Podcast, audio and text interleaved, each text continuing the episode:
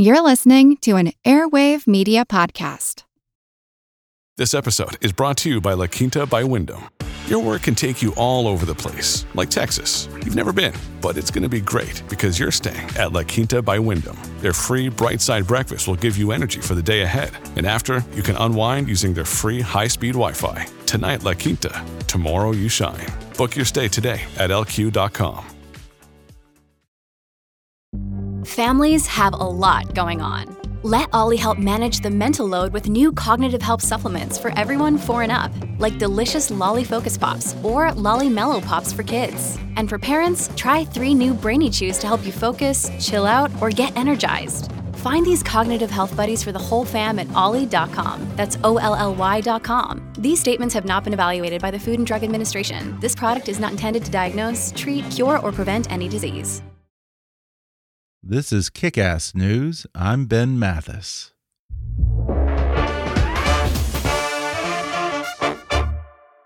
Feeling stuck in your job? Bank of America's The Academy for Consumer and Small Business helps you develop a long term career path. Through peer mentorship, immersive programs, and a variety of clear and distinct paths, you can reach the next level in your career. Take your first step towards a long term career path at careers.bankofamerica.com. Kickass News is brought to you by Capella University. Are you considering a doctorate to help you lead at the top of your field and contribute to your profession in more meaningful ways? Capella University can help. With flexible online degree programs and scholarship opportunities for select programs, Capella can help you support your goals from beginning to end. Learn more at capella.edu/kick. And now, on with the show. Hi, I'm Ben Mathis. Welcome to Kick Ass News. If you've ever seen Steven Spielberg's Oscar nominated film Catch Me If You Can, then you know the story of Frank Abagnale.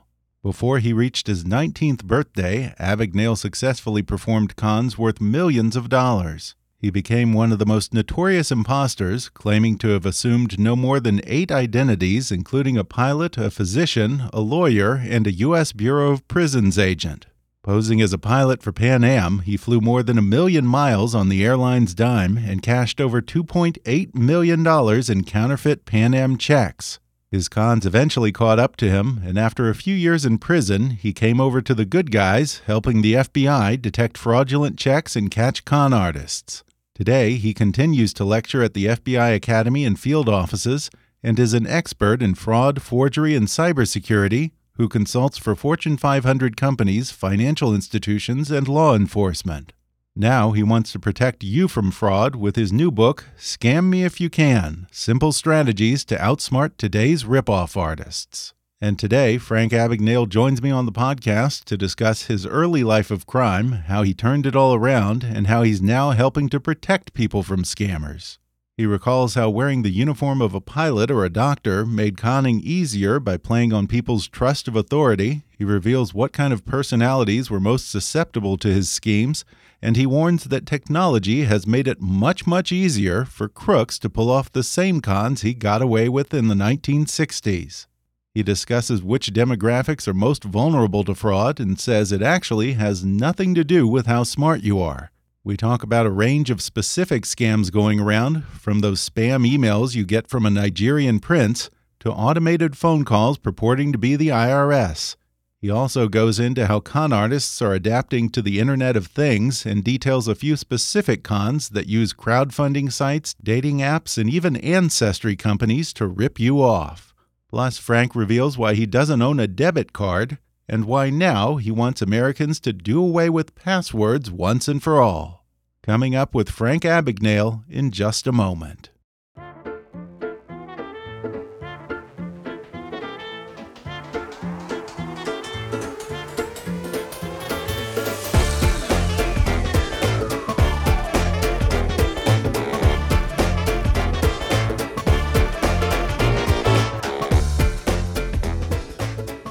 Frank Abagnale is a former con artist who wrote the book on scams and cons. In fact, he wrote several of them, including The Art of the Steal, Stealing Your Life, and Catch Me If You Can, which was later turned into a movie starring Leonardo DiCaprio. Today, Frank Abagnale is one of the world's most respected authorities on the subjects of fraud, forgery, and cybersecurity, lecturing at the FBI's Academy and field offices, and consulting with major corporate clients such as AARP, Experian, Intuit, and LexisNexis.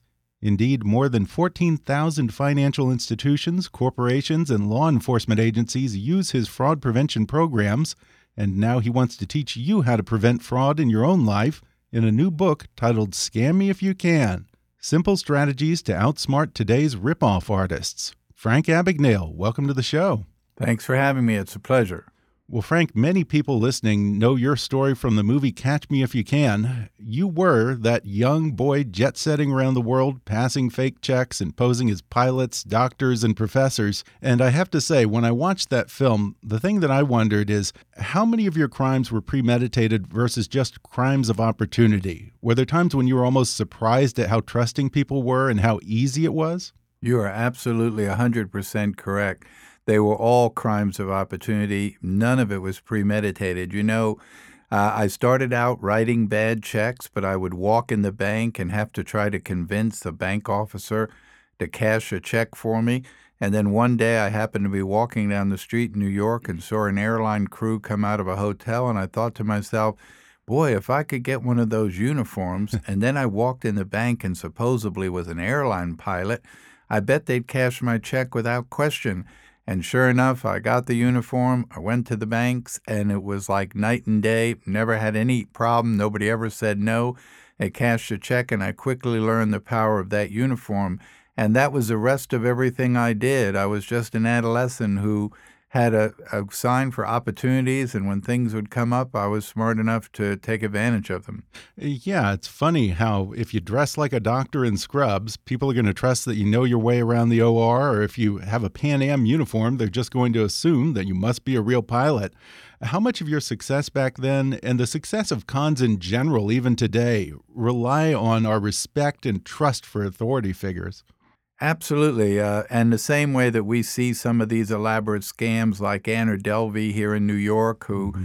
was a young woman who had no money but came to New York, made her way into the socialite scene, started meeting very important people, told them a lot of stories that she was a very wealthy heir from Europe and met one person who had a lot of influence and they introduced her to another person. Then she met several other people, and before you know it, everyone believed that she was this real wealthy individual and she was able to eventually scam people out of a lot of money. So it's also wow. the fact of the first impression, how you look, etc. And the difference today is, you know, con men and con- confidence women years ago had to act one on one. They had to be in front of the person. So there was some emotion involved. They had to speak well, look, look well dressed, to have a good vocabulary. And of course, there was always a little bit of compassion because it's one human being to another. Mm-hmm. And maybe the con man said, I'm not going to take this man for all his money. I'm just going to take a little bit of his money. Hmm. Today, you're dealing with a con man who's sitting in his pajamas with a cup of coffee on a laptop in his kitchen in Moscow. They're thousands of miles away. They don't see you, you don't see them. And of course, there is no compassion, there's no emotion, and unfortunately, they'll take you for every penny you have. Uh, so then let me ask you this. Has technology made it harder or easier for a crook to do what you did back in the 60s? 4,000 times easier to do today. If we give you an example, for me to actually create checks the years ago, I had to buy uh, a Heidelberg press or use a Heidelberg press, and I had to learn how to operate that press. There were color separations, there were negatives, there were plates, there were chemicals to make plates. Steven Spielberg did a good job of getting one of the presses and showing that I built scaffolding so I could get at the top of the press and operate the press by myself. Uh, today, one would just open a laptop, look out the window, see an ad for a big Fortune 500 company, design a check on the screen and pull up a form, then put that company's logo on the check, put the bank's logo on the check, and in 15 minutes make a beautiful uh, check and then go down to office supply store buy some check paper with a watermark on it eight and a half by 11 put it in your inkjet printer and start printing out checks. And we and we also live in a too much information world so 50 years ago you might have said wow frank these checks you printed are amazing. They're beautiful. They're four color they're real detailed But how do you know where this company banks? "Uh, I have no idea. I'm just making up a bank's name. Well, how do you know their account number? I don't know. I'm just I'm just using a bunch of numbers. Well, how do you know who the authorized signer is? I have no idea. I'm just using a name. Today, uh, we live in a too much information world. So if I call that company and ask to speak to someone in accounts receivables and tell them I want to pay an invoice and I'm getting ready to wire them the money, they tell me where they bank, on what street, in what city, their account number, their routing number into their account. If I ask for a copy of their annual report, they'll send it to me, but on page three is a signature of the chairman of the board, the CEO, the CFO, the treasurer, the controller. White glossy paper, black ink, camera ready art. You scan it, you digitize it, you put it on the check. So there's no question that technology has made what I did much, much easier Wow. today. That's just fascinating to me because I would think that technology makes it easier to detect fraud because it's not like the old days when some kind of Harold Hill type grifter could just wander into a small town with a phony letter of reference and bilk people out of their money. Now, it seems to me that everything is verifiable on the internet. We can do background checks, we can get references, we have review sites. Isn't it stronger now? It's not really it's not really so much stronger because it's so easy to manipulate so many of those things. And mm. then on top of that, you have everything that you just said is what should be done, but nobody does it. It's just like all of the technology and all the breaches we see occur. Every breach occurs because somebody in that company did something they weren't supposed to do, or somebody in that company failed to do something they were supposed to do. So, in the case of Equifax, they didn't update their system, they didn't fix their security patches, and the hacker got in. All hackers do is look for open doors. It's people who make mistakes that let them in. And what you said is exactly what someone should do before they part with money or part with information or verify something to be correct. But people are lazy. People automatically believe that what they say is true, and they don't want to spend the hmm. time and energy to, to verify whether that information is accurate or not. Now, one reason that we're writing fewer checks today is because of ATMs and debit cards, of course. But you reveal in the book that you do not own nor do you use a debit card. Why not? Isn't that safer than cash or check? No, actually, the safest form of payment that exists on the face of the earth, and I've written about this for many years in books and articles, is a credit card. Credit card, not credit debit card, but credit card, Visa, MasterCard, American Express, Discover Card.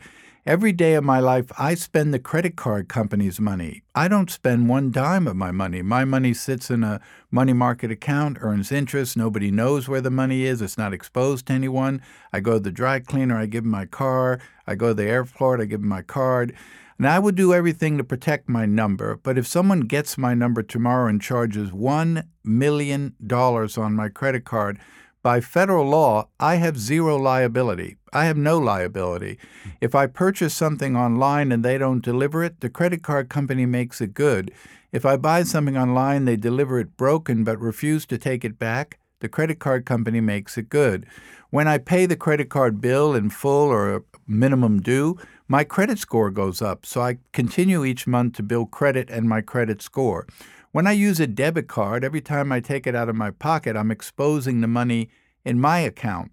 And I, of course, could use that debit card 20 times a day for 20 years, and I won't raise my credit score one iota. And of course, when we look at all the breaches that have occurred in the retail environment, in the post investigation of those breaches, when they typically ask what happened, someone says, Well, you know, I used my Visa card, so I don't know. They canceled the card the next day, and two days later they sent me a new card. That was the last I heard about it. Oh, no, I used my debit card off my credit union, and they actually took about $3,000 out of my bank account, and it took me about three months to get it back Why they said they were investigating it. So even when I go to an ATM machine, I only use an ATM card, not an ATM debit card, Oh, okay. not an ATM card with a Visa or a MasterCard logo, just my card because then I'm governed by the same laws as my credit card. Interesting. Okay. So that makes sense. So by using a credit card, you're actually kind of doing yourself a favor and taking some of the burden of protecting yourself off of your shoulders and putting it on someone else. Right. You're really actually saying if they're going to steal somebody's money, let them steal the credit card company's money, not my money. Yeah. And in addition to being anti debit card, you say that you're also anti password. I mean, all passwords that we use to access our email, our Amazon account, social media, these are passwords that I assumed are supposed to be there for our security and to prevent fraud. You say that we should do away with them altogether, huh? Yes, I've written many years ago that passwords are for tree houses. you know, passwords. Uh, passwords were invented in 1964. I was 16 years old. I didn't even begin to do the things I did. Today, I'm 71 years old and we're still using passwords. And we know that 87% of malware, ransomware, breaches all occur because of passwords. So we're long past due getting rid of passwords. They're complicated, they're hard to remember, they make it easier for criminals to access our accounts. So I have finally now started to see in the last few years some really good new technology that identifies you by your telephone and you and does not use passwords. So a lot of universities have dropped passwords. I know a lot of big insurance companies have, and a lot of major banks are getting away from passwords. And I think in the next two or three years, uh, you won't see passwords around anymore, and that's long, long overdue. Should have been really? done a long time ago. Uh, what about if I say make up a really long and complex password? I use numbers, caps, punctuation, or or maybe even use one of those randomly generated passwords. That's not good enough, you don't think? No, because you know what happens is most of these technologies don't use anti-replay. So mm-hmm. it's kind of like when you say I take my i10 phone and I take a picture and I put my picture on there so that when I open or unlock my phone, I have to have my image up there, my biometrics. Well, when you took that picture, your biometrics became a long stream of numbers and letters. But if I capture those numbers and letters and I replay them, then I'm you. And hmm. that's the problem with biometrics. So, in developing the technology for no passwords, the first thing they had to do was develop anti replay, which they did. They patented it. And then they developed the ability to be able to identify yourself by, by your phone. There's a great ad on TV, I've seen it several times, where Serena Williams is running through the marketplace. She just has her phone in her hand. She's in a jogging outfit. She sees a necklace she'd like to buy at the market, so she walks over to her ATM. She presses the app on her phone. She gets the money. She had no card, no password, and off she goes. It's wow. an advertising for a major bank. Hmm. but that's the kind of technology you're starting to see that when you call the call center at your bank, they're not going to ask you a lot of security questions. They're just going to ask you to press the app on your phone and identify yourself through your phone. Interesting. Now, you mentioned malware a moment ago. I feel like I'm constantly under assault every day. Right. What devices are most susceptible to malware? Uh, you know, things like your cell phone, uh, many times your PC at home, and of course, there are many scams. I found in writing this book one thing that was surprising to me is that millennials fall for more scams than seniors do, but seniors wow. lose more money because they have more money. And really? one of the biggest scams, of course, is you're on your computer, a pop up comes up, says, This is Microsoft, you have malware on your computer. Mm-hmm. Please call this 800 number. Uh, yeah. And you call the number and they tell you they can fix it, but they need a credit card number and there's a fee involved. And I can't tell you how many people fall for that wow. scam.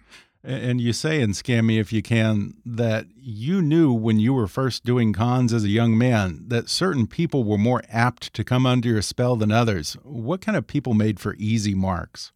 Um, you know, typically people who uh, just automatically believed you, they didn't question anything, they just thought that you were that who you say you were. Mm -hmm. They mm-hmm. didn't really have any kind of imagination that you couldn't be telling them, you could not, maybe not telling them the truth. Um, there are a lot of people, you know, people, thank God, are basically honest. And, and because they're honest, they don't have a deceptive mind. So when the telephone rings and the caller ID says it's the IRS or it's the police department or it's the U.S. government or Medicare, they assume automatically, oh, that's who it is because no one has told them that caller ID is easily manipulated and I can make it say whatever I want it to say. Hmm. So, I, what I did in writing this book, and by the way, I, I wrote this book at the request of AARP, but I wanted to include millennials, I wanted to include investment people in writing the book, and I gave all of the money for the book, the royalties and the advance, back to AARP so that they could fight crimes against the elderly. But in writing the book, uh, it was just amazing to me. All of these scams, basically, no matter how sophisticated or how amateur, came down to two red flags. And the red flags were very simple. At some point, I'm going to ask you for money. And then I'm going to ask you to give me this money immediately. Give me a credit card over the phone, go down to Walmart, get me a green dot card, call me right back with the number on the back, wire me the money, give me your checking account number. Has to be done right now, this moment. That was a huge red flag. And the other one was at some point, I'm going to ask you for information. So I might hmm. call. The caller ID says it's your bank. You assume it is. You pick up the phone. Well, we detected some suspicious activity on your credit card, wanted to call you. Uh, and they'll talk for a little bit, and then they finally say, Now, to make sure you have your card in your possession, can you read me the three numbers on the back of your credit card? The minute they start asking you for information, social security numbers, dates of birth, bank account numbers, that's the other red flag. Hmm. And in the book, you refer to how con artists, quote unquote, get victims under the ether. Are these tricks that you just described some of the tactics that they use? And what does that mean, getting someone under the ether? Getting you really convinced that they're the real person and that everything they're telling you is true. You know, we have seen romance scams almost double now. And you have people who basically meet you uh, online they sound like very nice people, so you're kind of lonely. So you start writing back online to them, and they give you a story about who they are and where they're from. And you all of a sudden, if this goes on maybe for five, six months, then they start on the telephone and you're visiting with them and having conversations with them on the phone. And now you're really kind of gotten attached to that person. You're under their ether. There's almost a little bit of romance involved. And then one day you say, So look, Bob, um, if you live just a couple of states away from me, how come you don't come and visit me? Well, I would, but I have to have this operation, and it's $30,000, and I don't have the money. And um, if I don't get the operation, I don't even know that I'm going to make it. Well, you know what? I could, I, I could loan you that money. And that's that red flag. And that's where you lose your money. You never met that person. You really don't know that person. Uh, you only met them online. You have to be a little more careful today. Anytime you're going to part with your money or you're going to part with information, you need to know who is on the other end. And I'm curious is there any data on who's more susceptible to these romance scams, men or women? Uh, mainly women. And what happens a lot of times now is you see these uh, people who go on Facebook and there's a picture of a young Marine, really good looking guy, well decorated. He's in his uniform, looks really sharp in that close up photo. They snatch that photo and then they email that photo out to thousands of people and they claim that they're that person. And of course, young women come on and start to say, Hi, my name's Barbara. I saw you on uh, on your email and uh, like to get to know you, meet you. And they'd start to befriend those people, believing that that's the guy in the picture, mm-hmm. when in really, reality it could be an 80 year old guy. And eventually, again, they might say, I'm in Afghanistan, and I was wondering if you could uh, send me over some money for some uh, canteen stuff, or you could give me a debit card or something so I could access some money. Uh, and it's all just part part of that part of that scam. Again, mm-hmm. you really don't know that's the person. All you've seen is a picture.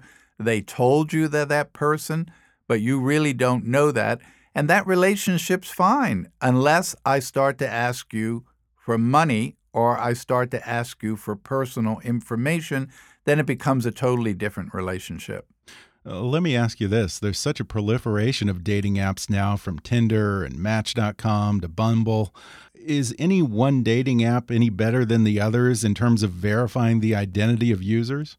I really don't think so, and I get very concerned about apps. As you know, uh, the FaceApp came out. 80 million Americans signed up for it. Right. They scrolled through the contract, didn't read it, put at the bottom and said, I agree because it's free. Uh, it is a Russian bot, a Russian app in which the Russians were simply trying to get data. And now they have information on 80 million Americans. They have their biometrics, they have their pictures, they have their information. And of course, they know how they look at 20, they know how they're going to look at 40. Um, that was a foolish mistake. So I went hmm. back to pull that contract and when you read it, you see that it says it's irrevocable. They can use your picture in any way they want. They can track you. They can do all these different things that you just turned around and said, I agree because it was free. So I think you have to be very careful about the type of apps you download and understand who you're doing business with. I wouldn't want to go just use a dating service because they have a free app or they have an app. I'd want to know is this a real legitimate company? What are their references? How long have they been around? You know, as I remind people all the time, you can't rely on the police, you can't rely on the bank, you can't rely on the government. You have to be a little smarter today. You have to be a little wiser consumer today before you part with your money or you part with information. We're going to take a quick break, and then I'll be back with more with Frank Abagnale when we come back in just a minute.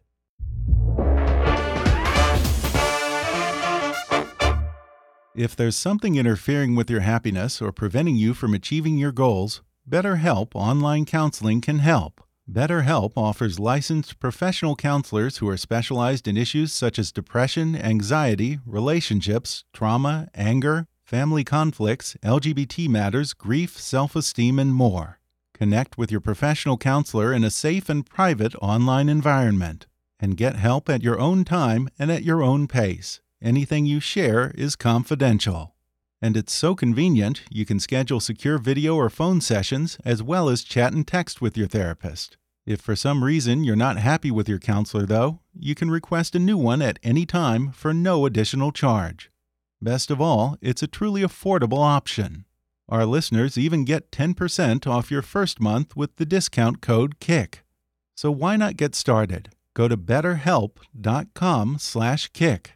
Then simply fill out a questionnaire to help them assess your needs and get matched with a counselor you'll love. That's betterhelp.com/kick. And now, back to the podcast. And I was surprised to learn in the book that apparently education doesn't really have a whole lot to do with it. In fact, you actually say that college educated people are twice as likely to get scammed as those who don't have a college degree. Why is that? Yeah, you, know, what's been amazing to me is I do a podcast out of Washington, D.C. every Wednesday for sponsored by AARP. And basically, we go to people who have been victimized that have written in. We send an investigator out to interview that person, document everything they said. We get them to get their voice on the radio and talk about what happened to them. And then we go back and talk about why this happened to Mr. Jones or Mrs. Jones and what they should have done so it wouldn't have occurred.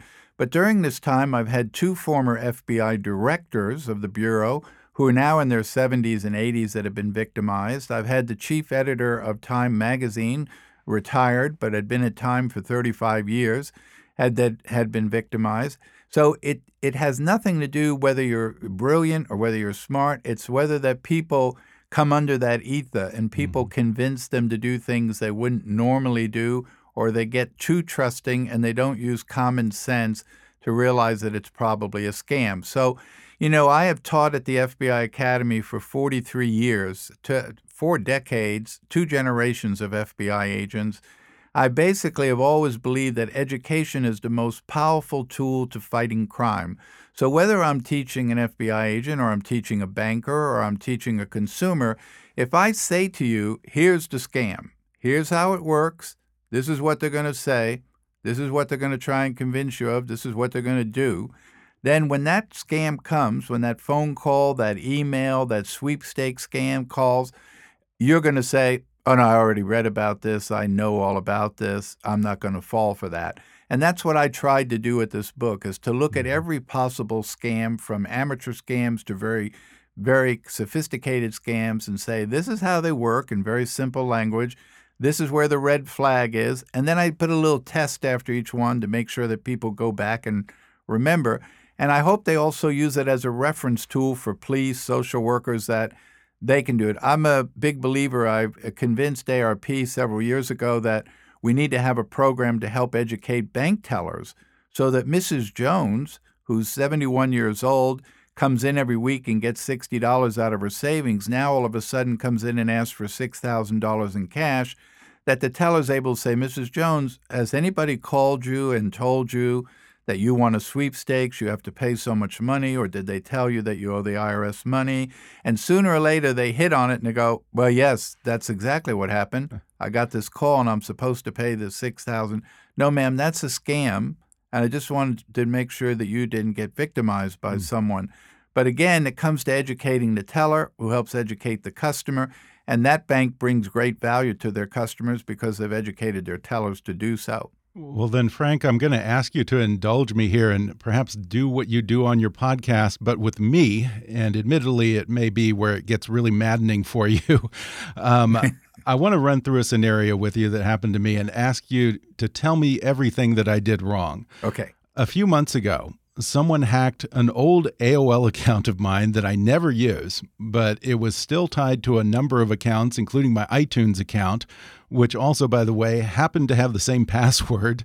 I hadn't enabled two factor authentication on my iTunes account, but lo and behold, someone did it for me using a foreign phone number that isn't mine and that I have no idea what it could possibly be. On top of that, I didn't respond to Apple's fraud alert email within the required two weeks of the incident because I never check the AOL account again. So now there is no way for me to recover my iTunes account, and all of the apps and downloads that I've purchased over 10 years are now lost, possibly coming to like several thousand dollars. Tell me everything that I did wrong there. Well, uh, first of all, of course, uh, you should have uh, paid attention to any alerts from someone like Apple, Microsoft, or anyone who's sure. alerting you to suspicious activity hmm. on your account. You made a mistake that a lot of people make. They use one password because it's convenient and they use it for everything. So the same password they use for iTunes or Amazon is the same password they use to get in uh, to their bank account. And many of these inactive internet accounts like AOL and some of those, those become targets for criminals that basically, just like inactive bank accounts were years ago, uh, they became targets of people who embezzled from the bank or worked in the bank because they knew it was an inactive account. So uh, there were little things that you could have done uh, like that, but it doesn't mean they still wouldn't have taken you. The technology and the ability that people have today with some of the devices we have that are not very secure, and the companies that supposedly store a lot of this data don't have a lot of security in place, just like Equifax didn't, uh, and people are easily be able to to get in. So I think if you to basically make sure if you're using, and I want to eliminate passwords, but if you're using passwords, that you're using different passwords for different things and not the same password, and that you do pay attention to those alerts, whether they be from your bank on your checking account or your credit card, or whether they be on your AOL account or they be on your iTunes account, because those uh, those are made so that there is something suspicious that's going on, and they're trying to alert you ahead of time. Well, I'm trying to learn and get better at this. I got to say, I did take your scam quotient quiz that you have in the book. Readers can find out how vulnerable they are to fraud by answering, I think it was about 19 or 20 questions. Yeah. I scored a 160. How did I fare against the average person? Uh, you did probably much better than those. Really? I try to always put those quizzes in my book. When I wrote the Stealing Your Life, that was about identity theft and asked the question, Are you a victim? Could you be a victim for identity theft? And asked them to answer these questions and then score them. I think it gives people an opportunity to see what they're doing wrong mm-hmm. and where they might not be doing what they're supposed yeah. to be doing. Uh, yes. Well, I want to ask you about some of the specific scams that you warn about in this book. One in particular is something that just about everyone has dealt with at some point or another those ridiculous Nigerian email scams. Yeah.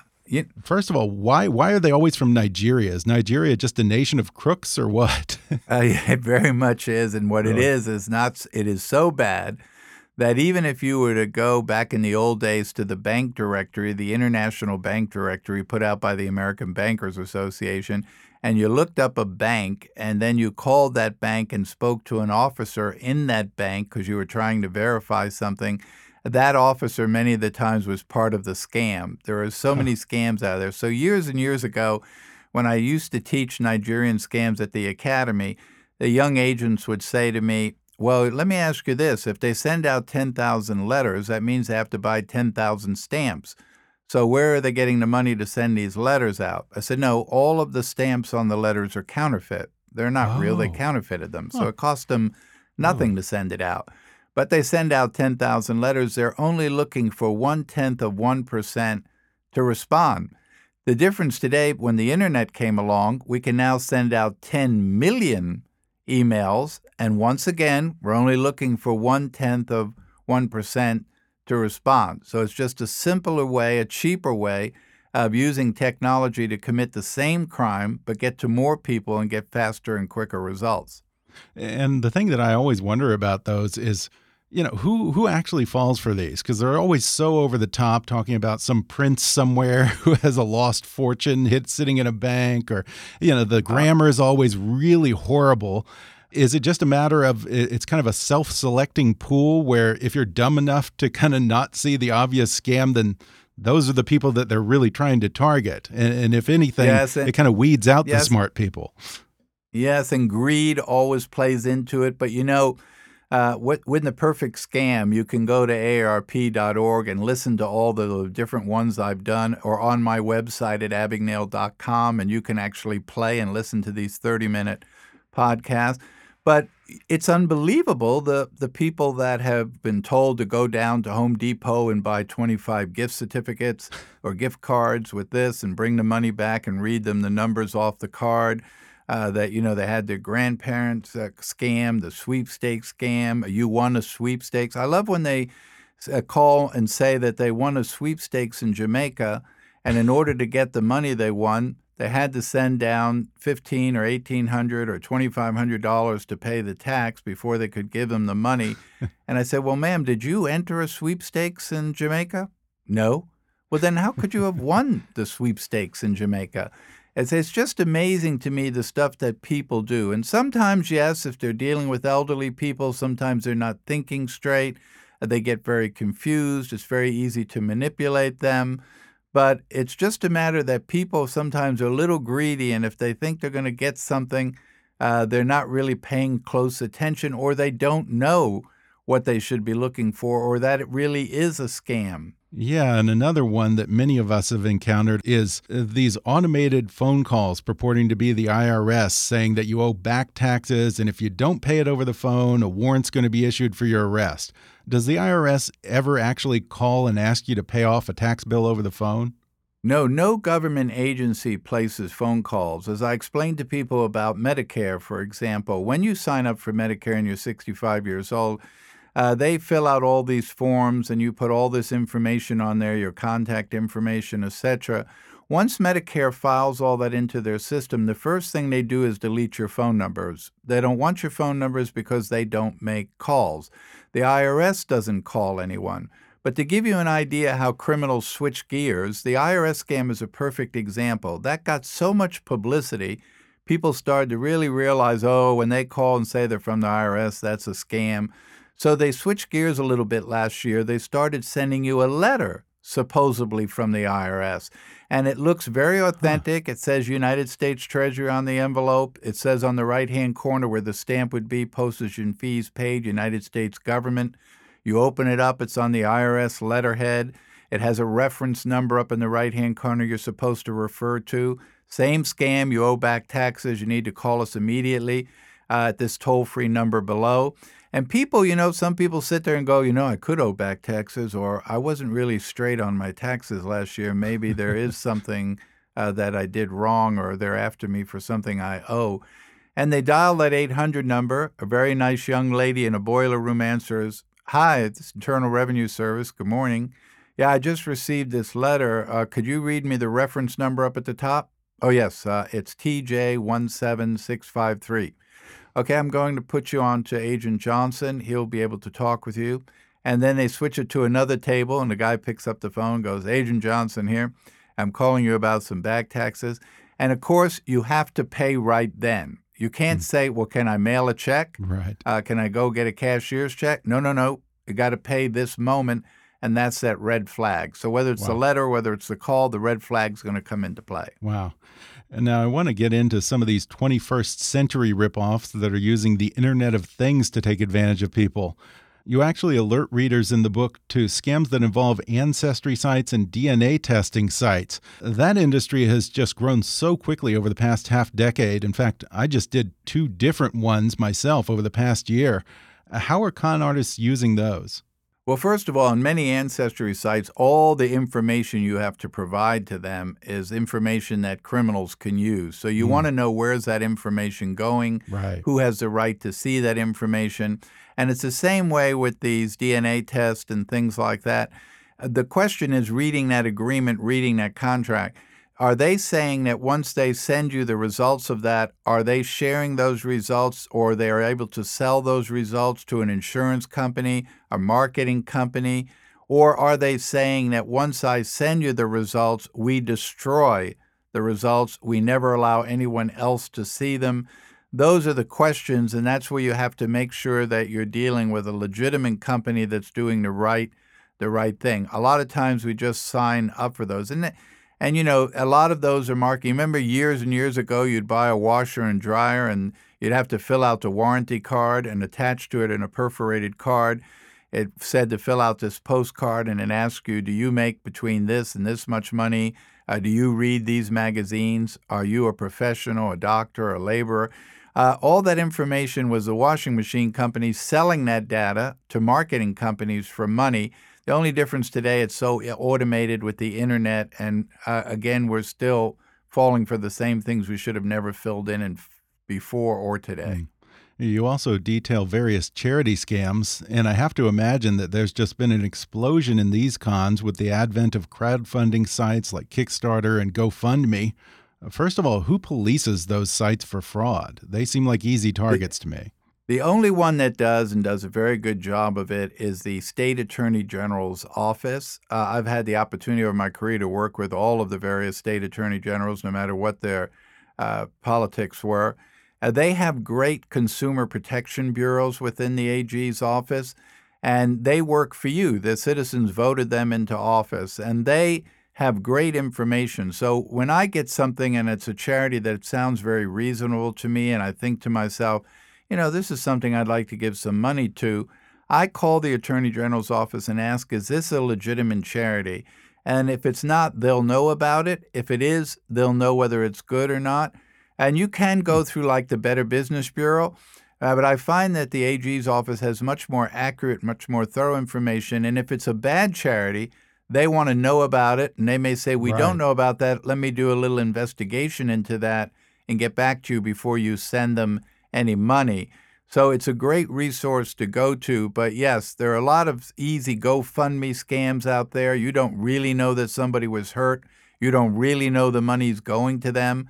We know there have been many scams where they're just in collusion with other people and they're out to get get your money. So again, as I always say, before you part with your money or you part with information, please make sure you know where it's going mm-hmm. and stop and take a minute or two to verify. Yeah, but the problem is, I guess, that a lot of these people who are asking for money on these crowdfunding sites probably aren't registered one way or another with the AG's office. Right. So, so how do you go about vetting those? Well, then that's where I don't, you know, I'm not going to give money to something that I can't personally verify to be something okay. that's real, something I know that actually happened, or somebody that actually needs the money. Um, just because someone has emailed me or told me a story or or something that happened, if I don't know that to be true, and even when I know it's a true incident, I need to know that the money I'm giving to that fund is actually going to that person, actually being used for what they say it is. Listen, there are a lot of lot of legitimate, very good charities out there where most of the money goes to help people. Uh, if you want to donate money, there are lots of places you can donate money to and be assured that it's going to be used correct and falling for some scam. In the first chapter of Scam Me If You Can, you say that you wrote this book now because you're alarmed at the pace with which scams and scammers are advancing. Looking ahead to over the next decade or so, what do you worry about most? What keeps me up most at night is that right now we have, you know, right now so called cybercrime is all about stealing money or stealing data. And data, of course, is money. So it's a financial crime. What I'm concerned about, it's very obvious to me that within the next several years, these crimes are going to turn very black.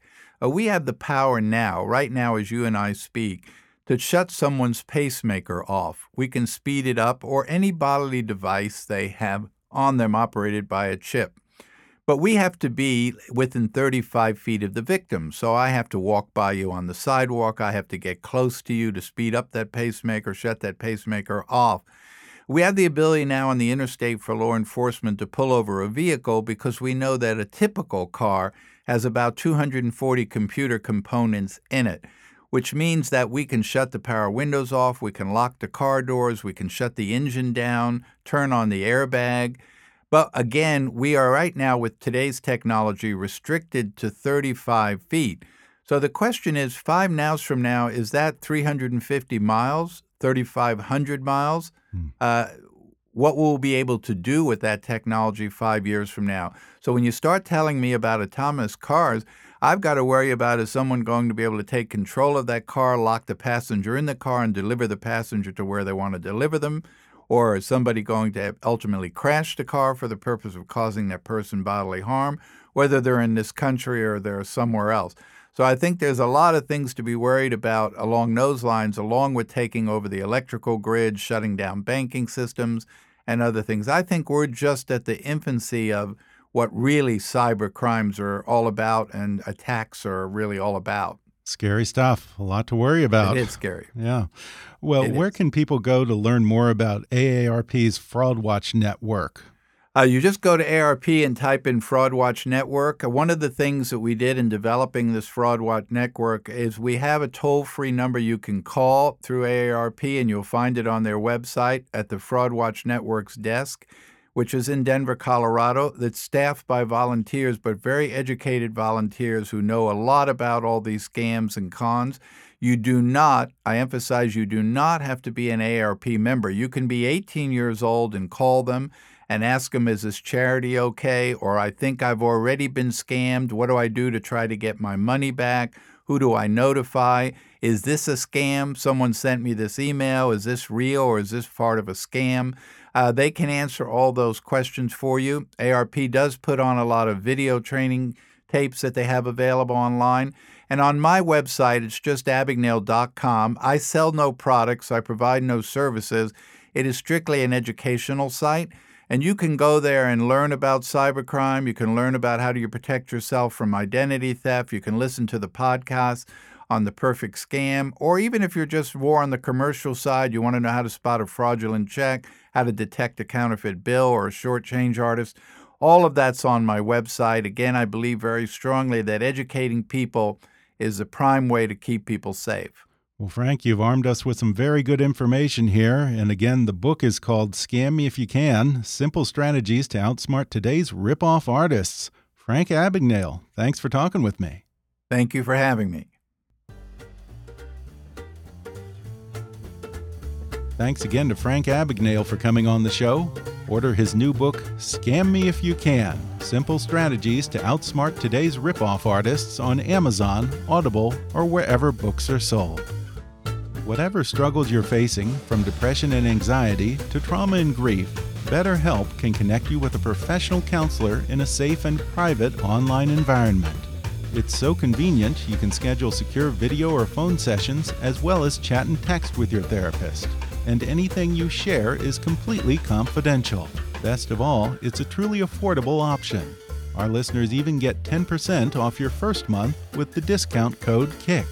So why not get started?